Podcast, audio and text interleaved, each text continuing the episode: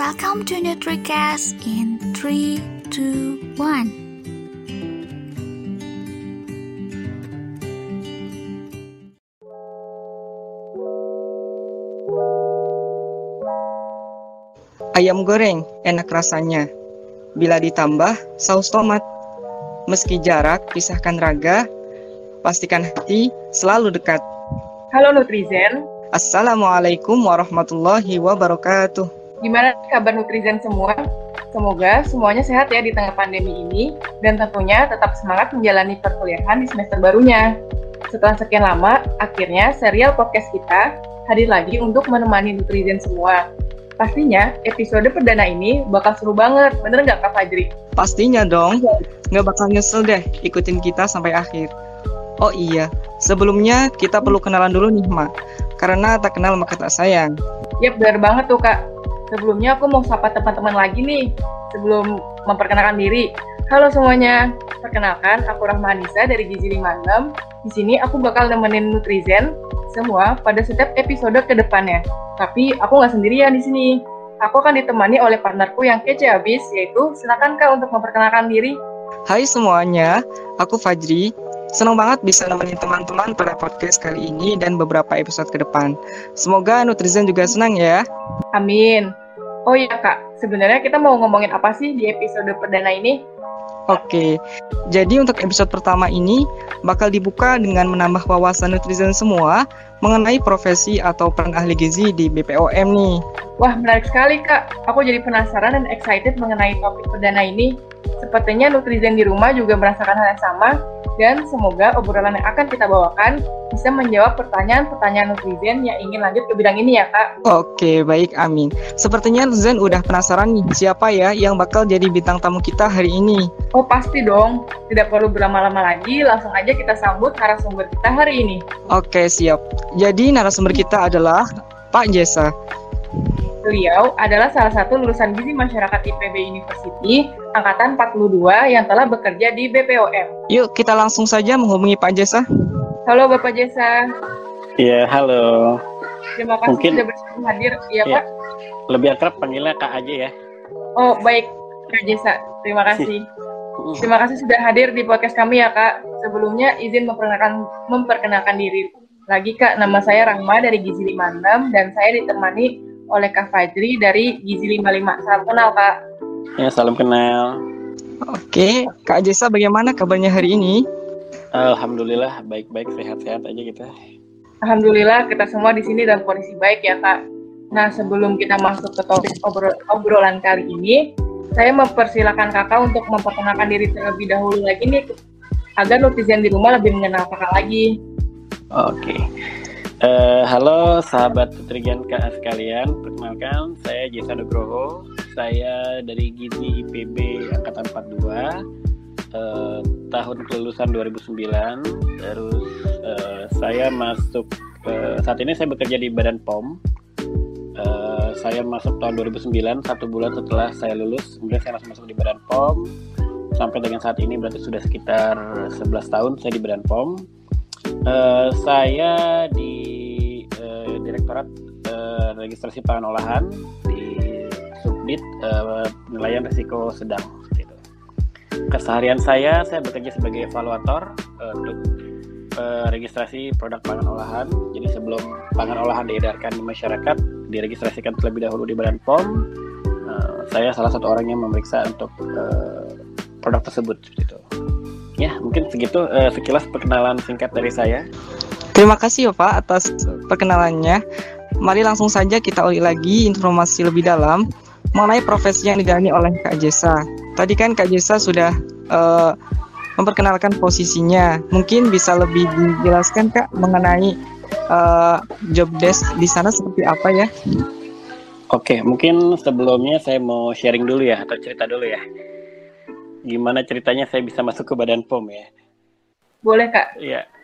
Eh, memang dari awal eh, saya tuh nggak punya cita-cita untuk jadi PNS ataupun jadi pegawai negeri sipil ya. Sekarang sebutannya eh, ASN ya, aparatur sipil negara. Kemudian itu ada eh, kebetulan kebetulan itu Badan POM ada pembukaan lowongan. Eh, dibutuhkan dua formasi untuk lulusan gizi ya iseng lah saya apply. Uh, singkat cerita uh, terbitlah empat calon. Empat calon untuk mengisi dua posisi. Eh untuk mengisi sorry untuk mengisi satu, satu posisi. Di mana tiga dari IPB dan satu uh, di luar IPB ya. Dan tiga saingan saing dari IPB itu kebetulan uh, yang satu kumlot uh, yang satu juga IPK di atas saya gitu kan.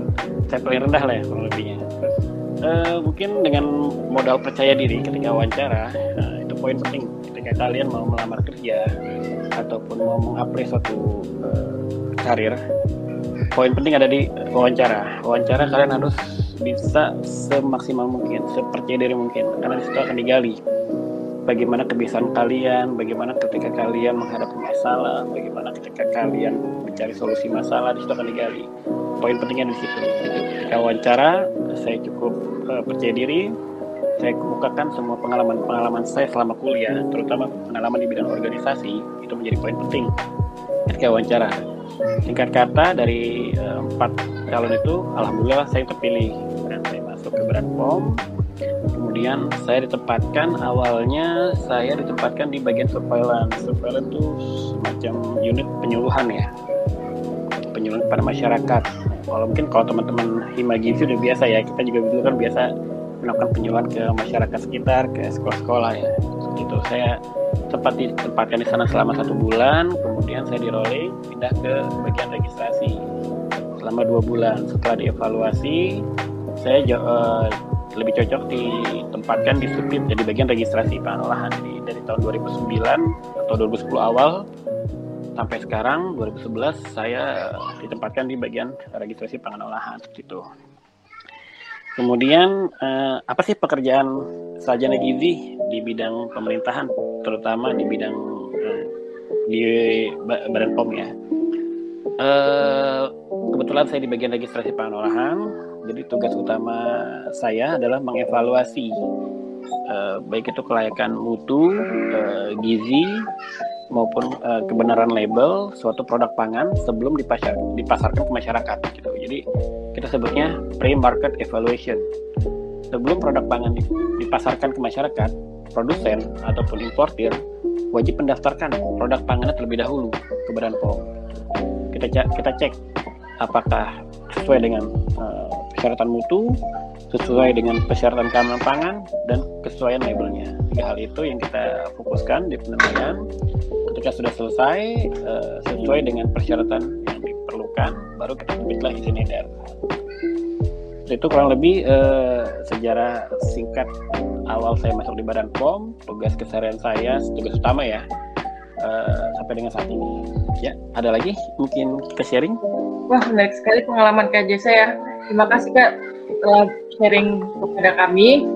Tapi tidak hanya saya pastinya, netizen di rumah juga ingin tahu nih, selain posisi kakak saat ini, posisi apa saja ya kak yang bisa diisi oleh seorang sarjana gizi di BPOM dan bagaimana proses seleksi untuk bisa menempati posisi tersebut kak? Oke, okay. uh, eh, kebetulan uh, saya orang ke-14 uh, eh, yang masuk di Badan POM yang lulusan dari GMSK ataupun dari gizi masyarakat ya uh, angkatan yang paling tua itu Bu Teti Siombing. Kebetulan beliau sudah pensiun. Beliau itu jabatan tertinggi adalah deputi, deputi bidang pengawasan pangan olahan. Uh, gitu. Jadi uh, posisi-posisi apa saja bisa di uh, yang di, bisa diisi oleh sarjana gizi. Uh, biasanya untuk teman-teman gizi itu mengisi di posisi di bagian deputi 3, deputi bidang pengawasan keamanan pangan. Di situ ada uh, direktorat registrasi pangan olahan yang tepat saya sekarang. Di situ juga ada direktorat uh, pengawasan produksi pangan. Kemudian ada direktorat uh, pengawasan distribusi pangan.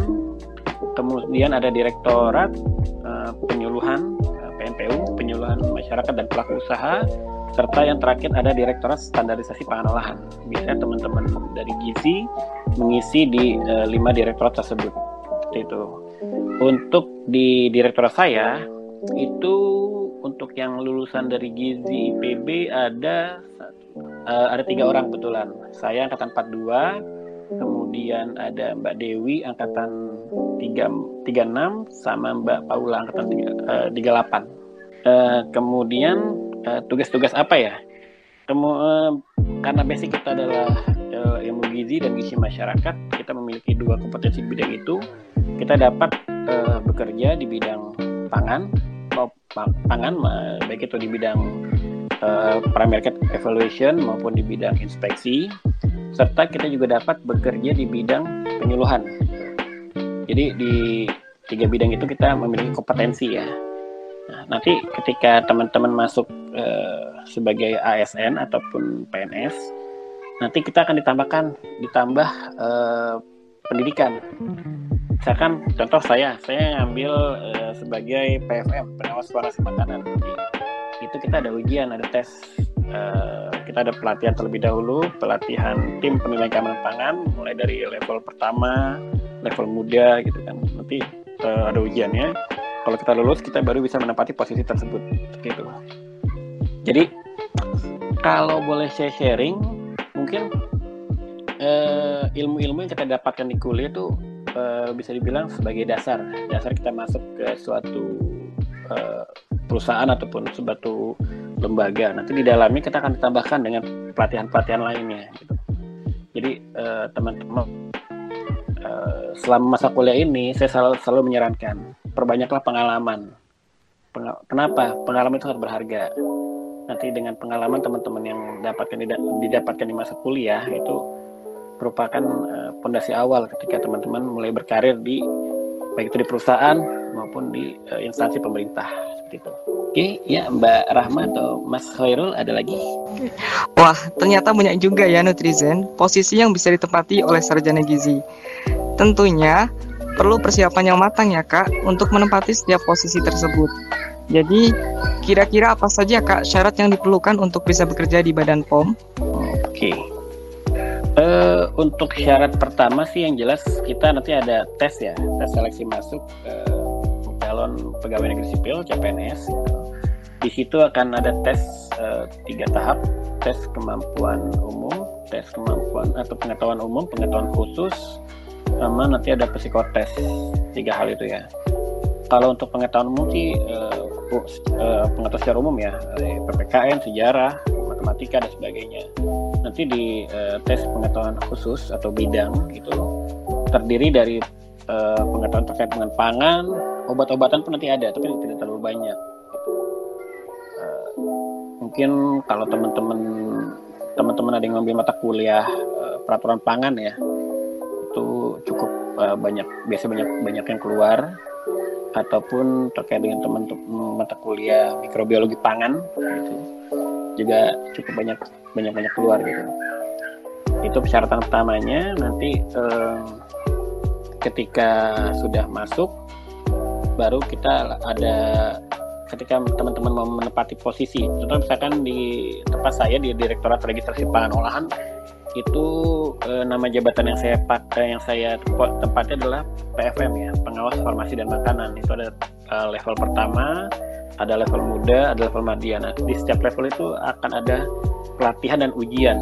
Jadi ketika kita mau menempati suatu posisi kita akan ada uh, training terlebih dahulu nanti ada ujian di akhirnya kalau kita lulus kita baru bisa menempati posisi tersebut jadi ada dua tahap ya, tahap masuk ke PNS-nya, nanti baru tahap menempati uh, posisi jabatan fungsionalnya. Gitu. Ya, mungkin ada lagi. Oh ternyata begitu ya kak. Jadi memang ada tahapan-tahapan tersendiri sebanyak dua kali tahapan ya kak. Lalu kak aku mau. Lebih. Oke baik, terima kasih kak. Kemudian kak mungkin boleh dijelaskan juga terkait jenjang karir yang bisa ditempuh khususnya oleh sarjana gizi selama bekerja di Bepom di Bepom kak. Oke. Untuk jenjang karir eh, di Badan POM ataupun di eh, pegawai negeri sipil secara keseluruhan, eh, kalau dulu itu kita ada dua jenjang ya, jenjang fungsional sama jenjang manajerial atau struktural. Jadi kalau manajerial atau eh, struktural itu ada yang levelnya kepala seksi atau kepala eh, kepala seksi, kepala subdirektorat uh, direktur deputi itu kan ya. Jadi eselon 4 eselon 3 eselon 2 dan eselon 1 itu tapi kemudian per 2021 ini itu dihapuskan. Jadi cuma ada eselon 2 dan eselon 1 serta jabatan fungsional.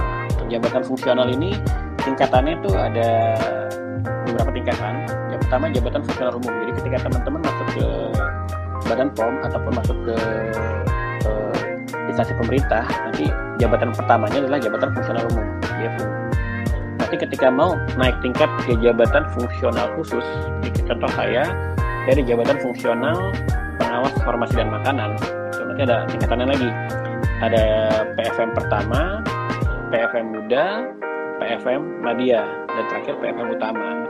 Jadi tingkatannya. Jadi setiap kita masuk ke tingkatan tertentu, kita mesti uh, melakukan ujian ataupun pelatihan terlebih dahulu.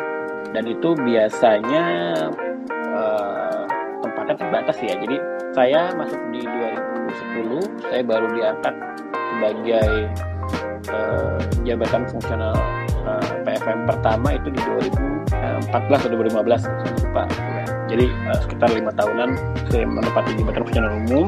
Cuman saya dari uh, naik ke mudanya saya cepat. Jadi saya normalnya itu sekitar 4 sampai lima tahun dulu baru bisa naik. Ke tingkat saya tiga tahun bisa naik ke jabatan fungsional muda di 2018 nah, sekarang saya di jabatan fungsional uh, eh, PFM muda. Nanti itu akan menentukan uh, jumlah tunjangan kinerja kalian maupun pendapatan kalian serta menentukan uh, skop pekerjaan yang bisa kalian uh, kerjakan. Semakin tinggi uh, tingkatannya, semakin luas uh, skop pekerjaan yang bisa kalian kerjakan.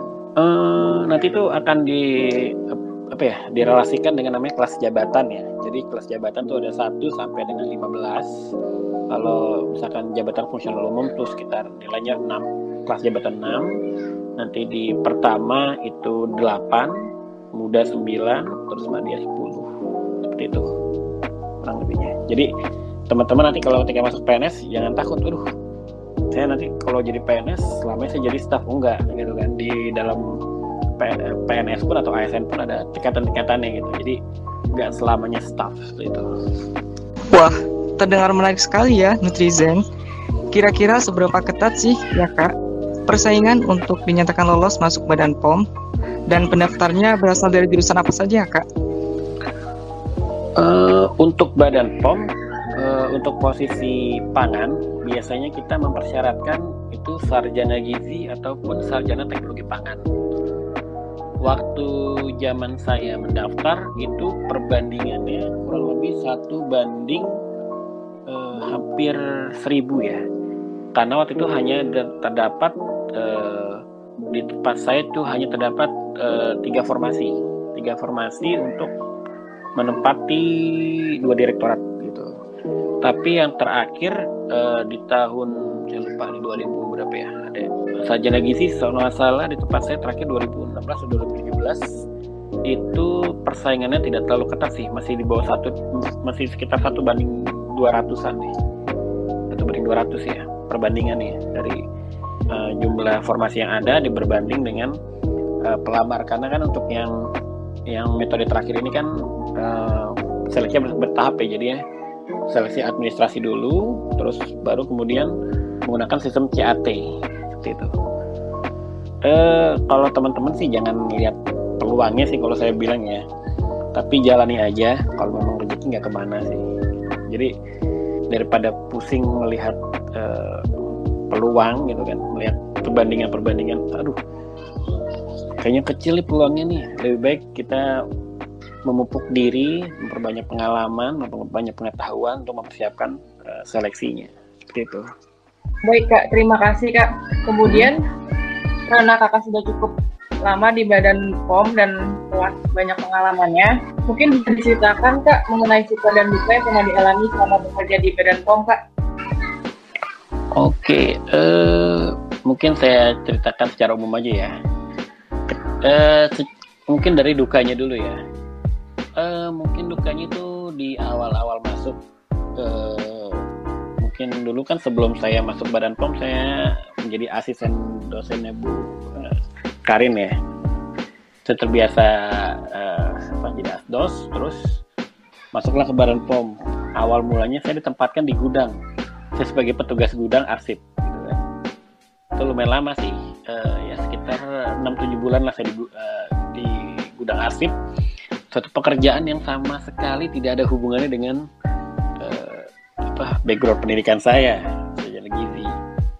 Uh, sempat awal-awal tuh sedikit depresi ya. Oh, kok ternyata jadi PNS gini amat? Terus apalagi zaman dulu itu kan uh, dari segi pendapatan juga tidak terlalu besar jadi seorang terus ya oke okay, oke okay, akhirnya saya tetap bisa jalani tetap saya jalani sebagaimana mestinya. Kemudian uh, pas menginjak satu tahun uh, saya ikut diklat. Nah mungkin di diklat itulah baru kelihatan potensi-potensi setiap uh, calon pegawai negeri sipil. Ya, kelihatan tuh mana yang memiliki potensi maupun yang mana yang biasa-biasa. Nah di situ saya manfaatkan ajang itu untuk hmm, ini loh bahwa saya tuh memiliki kemampuan lebih dibandingkan yang lain gitu. jadi coba saya tampilkan peng, uh, apa kemampuan saya gitu kan Nah, mulai dah di tahun kedua saya uh, mulai mengisi eh, posisi-posisi jabatan yang berhubungan dengan uh, keilmuan saya. Mulai saya mengevaluasi produk, kemudian saya ikut uh, diklat-diklat uh, diklat-diklat yang lainnya, seperti saya ikut pernah ikut diklat pengadaan barang dan jasa, saya juga pernah ikut diklat untuk uh, sebagai pengawas farmas, pengawas inspektur, pengawas pangan, mungkin itu uh, dukanya ya. Kalau untuk sukanya sih hmm, karena uh, di badan pom itu kebetulan saya ditempatkan di unit yang uh, bisa dibilang sebagai unit unggulan ya atau atau unit unggulan lah karena unitnya itu barometer uh, barometer kinerja badan pom. Uh, di sana saya mendapat mendapatkan banyak pengalaman dan uh, pengalaman yang berharga. Di sana saya belajar apa itu tentang ISO di sana saya belajar tentang manajemen di sana saya belajar tentang pengadaan gitu. uh, karena uh, tempat saya itu lumayan berat ya load kerjanya jadi uh, kami terbiasa dengan kerja overtime atau kerja di luar di luar jam kerja normalnya gitu dengan demikian um, kalau untuk teman-teman IPB sih saya rasa itu udah hal yang biasa ya. Kita sudah terbiasa dengan tugas yang begitu numpuk. Jadi ketika bekerja di Badan POM ya 11 12 sama kuliah lah deadline deadline numpuk eh deadline mepet itu udah hal yang biasa gitu kan. Kita apalagi laporan praktikum harus membuat laporan praktikum yang tebel-tebel itu kan. Ataupun mereview jurnal itu. Ya itu sebelah tuh yang saya, yang saat ini saya laksanakan kemudian eh, sukanya lagi di Badan POM kita ada kesempatan untuk uh, jaringan ataupun pertemanan yang cukup luas karena kan Badan POM tersebar di 33 provinsi serta beberapa kabupaten kota di Indonesia. Jadi kesempatan kita untuk mengunjungi kota-kota terpencil itu uh, cukup terbuka lebar ya. Sebagai contoh, uh, ujung barat dan ujung timur udah sempat kita sempat kita singgahi. Uh, pernah juga uh, saya melakukan pembinaan kepada pelaku uh, pelaku usaha kecil atau UMKM di daerah uh, Tanah Miring itu di Merauke kurang lebih dua jam dari kota Merauke ke pedalaman pernah juga kita ke utara ke Kepulauan Morotai ataupun masuk ke daerah-daerah e, bencana seperti bencana Palu kita kita pun pernah gitu ya jadi memang pengalaman-pengalaman itu yang saya dapatkan yang membuat saya uh, cukup cukup betah di Badan POM. Selain pekerjaan yang saya lakukan memang uh, satu masih inline lah dengan latar belakang pendidikan saya gitu. Wah, kita jadi ada gambaran nih seputar dunia kerja di Badan POM. Nah, supaya bisa merasakan langsung nih ya, Kak, apakah kita sebagai mahasiswa gizi bisa mengikuti program internship di Badan POM semisal bisa, bagaimana ya kak prosedurnya? Oke, okay. uh, eh, kebetulan untuk magang memang kita membuka peluang sebesar-besarnya untuk teman-teman mahasiswa atau mahasiswa untuk magang di tempat kami. Kebetulan saat ini yang sedang ada magang dari uh, mahasiswa UHAMKA, salah. Jadi kalau misalkan memang dari teman-teman ada yang berencana untuk magang di tempat kami, biasanya bisa nanti bersurat dari kampus, bersurat ke biro umum ke bagian biro kepegawaian nanti akan diatur uh, oleh biro kepegawaian. Nanti jadi penempatannya akan diatur oleh biro kepegawaian seperti itu. Jadi memang untuk magang sih dimungkinkan. Tapi bukan internship ya kalau internship kan di rumah sakit biasanya ya. Kalau di kami magang sebutannya gitu jadi nanti akan kita ajarkan tata cara pendaftaran tata cara registrasi seperti apa biasanya kalau nggak salah beberapa tahun lalu pernah ada sih teman-teman dari IPB juga yang magang tempat kami baik kak menarik hmm. sekali ya netizen semua uh, mungkin bagi netizen yang berminat bisa langsung menyiapkan diri dan mengikuti tahapannya yang telah dijelaskan oleh Kak Jesa. Dan sepertinya kita cukupkan untuk pertanyaan seputar profesi di Badan POM. Untuk menutup podcast ini, mungkin ada pesan dari Kak Jesa untuk para calon sarjana gizi yang sedang menyimak yang sedang menyimak podcast ini, Kak. Oke, uh, pertama pesan saya untuk teman-teman atau adik-adik mahasiswa dari uh, terutama di bidang ilmu gizi, uh, gak nyesel lah kalian milih ilmu gizi. Kenapa? Selain ilmu gizi bisa kita pakai di dalam kehidupan keseharian kita, uh, karir di bidang ilmu gizi pun masih terbuka lebar. Sebagai contoh, uh, saya sarjana ilmu gizi yang saat ini bekerja di Badan POM sangat mengaplikasikan uh, pengalaman saya ataupun keilmuan saya sewaktu belajar uh, sebagai S1 ilmu gizi untuk uh, membantu ataupun untuk bekerja di bidang yang saya tekuni saat ini itu sebagai evaluator penilaian pangan risiko sedang. Yang kedua, uh, selama kalian masih memiliki kesempatan untuk berorganisasi, uh, pergunakanlah kesempatan itu sebaik mungkin. Karena apa? Uh, pengalaman saya sebagai uh, mahasiswa dan sebagai ketua Himagizi periode yang lalu itu sangat sangat terasa ketika saya sudah berkarir di terutama berkarir di pemerintahan. Saya mendapatkan pengalaman untuk berorganisasi. Ketika saya di pemerintahan, saya bisa menerapkannya untuk dalam hal manajemen ya manajemen ataupun manajerial di pemerintahan seperti itu dan yang ketiga ketika kalian wawancara persiapkan sebaik mungkin tingkat kepercayaan diri kalian. Paparkanlah semua kemampuan kalian paparkanlah semua pengalaman kalian. Karena itu poin penting ketika kalian wawancara. Dan yang terakhir apa pun bidang ataupun apa pun karir yang kalian geluti kalian harus enjoy karena kalau nggak enjoy. Biasanya kita nggak bisa menikmati karir. Karir nggak bertahan lama deh kalau nggak enjoy. Saran saya enjoy. Apa pun kalian apa pun karir yang kalian pilih. Mungkin itu aja uh, pesan dari saya. Uh, nanti kalau teman-teman uh, setelah lulus terutama teman-teman yang menempati posisi sebagai register officer pasti akan bertemu dengan saya ketika mendaftarkan produk pangan di, di Badan POM. Sekian. Terima kasih banyak ya Kak telah berkenan untuk berbincang bersama kami. Pastinya semua informasi yang disampaikan dapat memotivasi dan membakar semangat para calon ahli gizi yang tertarik untuk masuk ke Badan POM. Terima kasih sekali lagi Kak Jesa atas kesempatan yang berharganya. Semoga Kak Jesa diberi kesehatan selalu dan dilancarkan segala kepentingannya. Amin. Amin. Oke, demikian teman-teman mengenai profesi gizi di Badan POM. Buat teman-teman yang berminat untuk bekerja di Badan POM, semangat terus ya. Bener banget Kak. Semoga obrolan kami di episode ini dapat menambah wawasan netizen mengenai karir di Badan POM untuk sarjana gizi, sehingga menambah semangat netizen bagi yang ingin berkarir di Badan POM.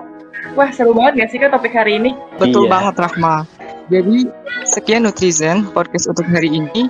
Saya Fajri dan rekan saya Rahma kami pamit undur diri. Sampai jumpa di podcast selanjutnya dengan pembahasan yang lebih menarik lagi. Jangan lupa isi reply saran dan voting yang akan kami bagikan ya. Oh iya, sebelum diakhiri, aku mau ikutan bersatu juga nih seperti Mas tadi. Makan siang dengan nasi ketan. Di bawah pohon yang rimbang. Mari kita jaga kesehatan dengan pedoman gizi seimbang. Sampai jumpa. Terima kasih Kak Jesa.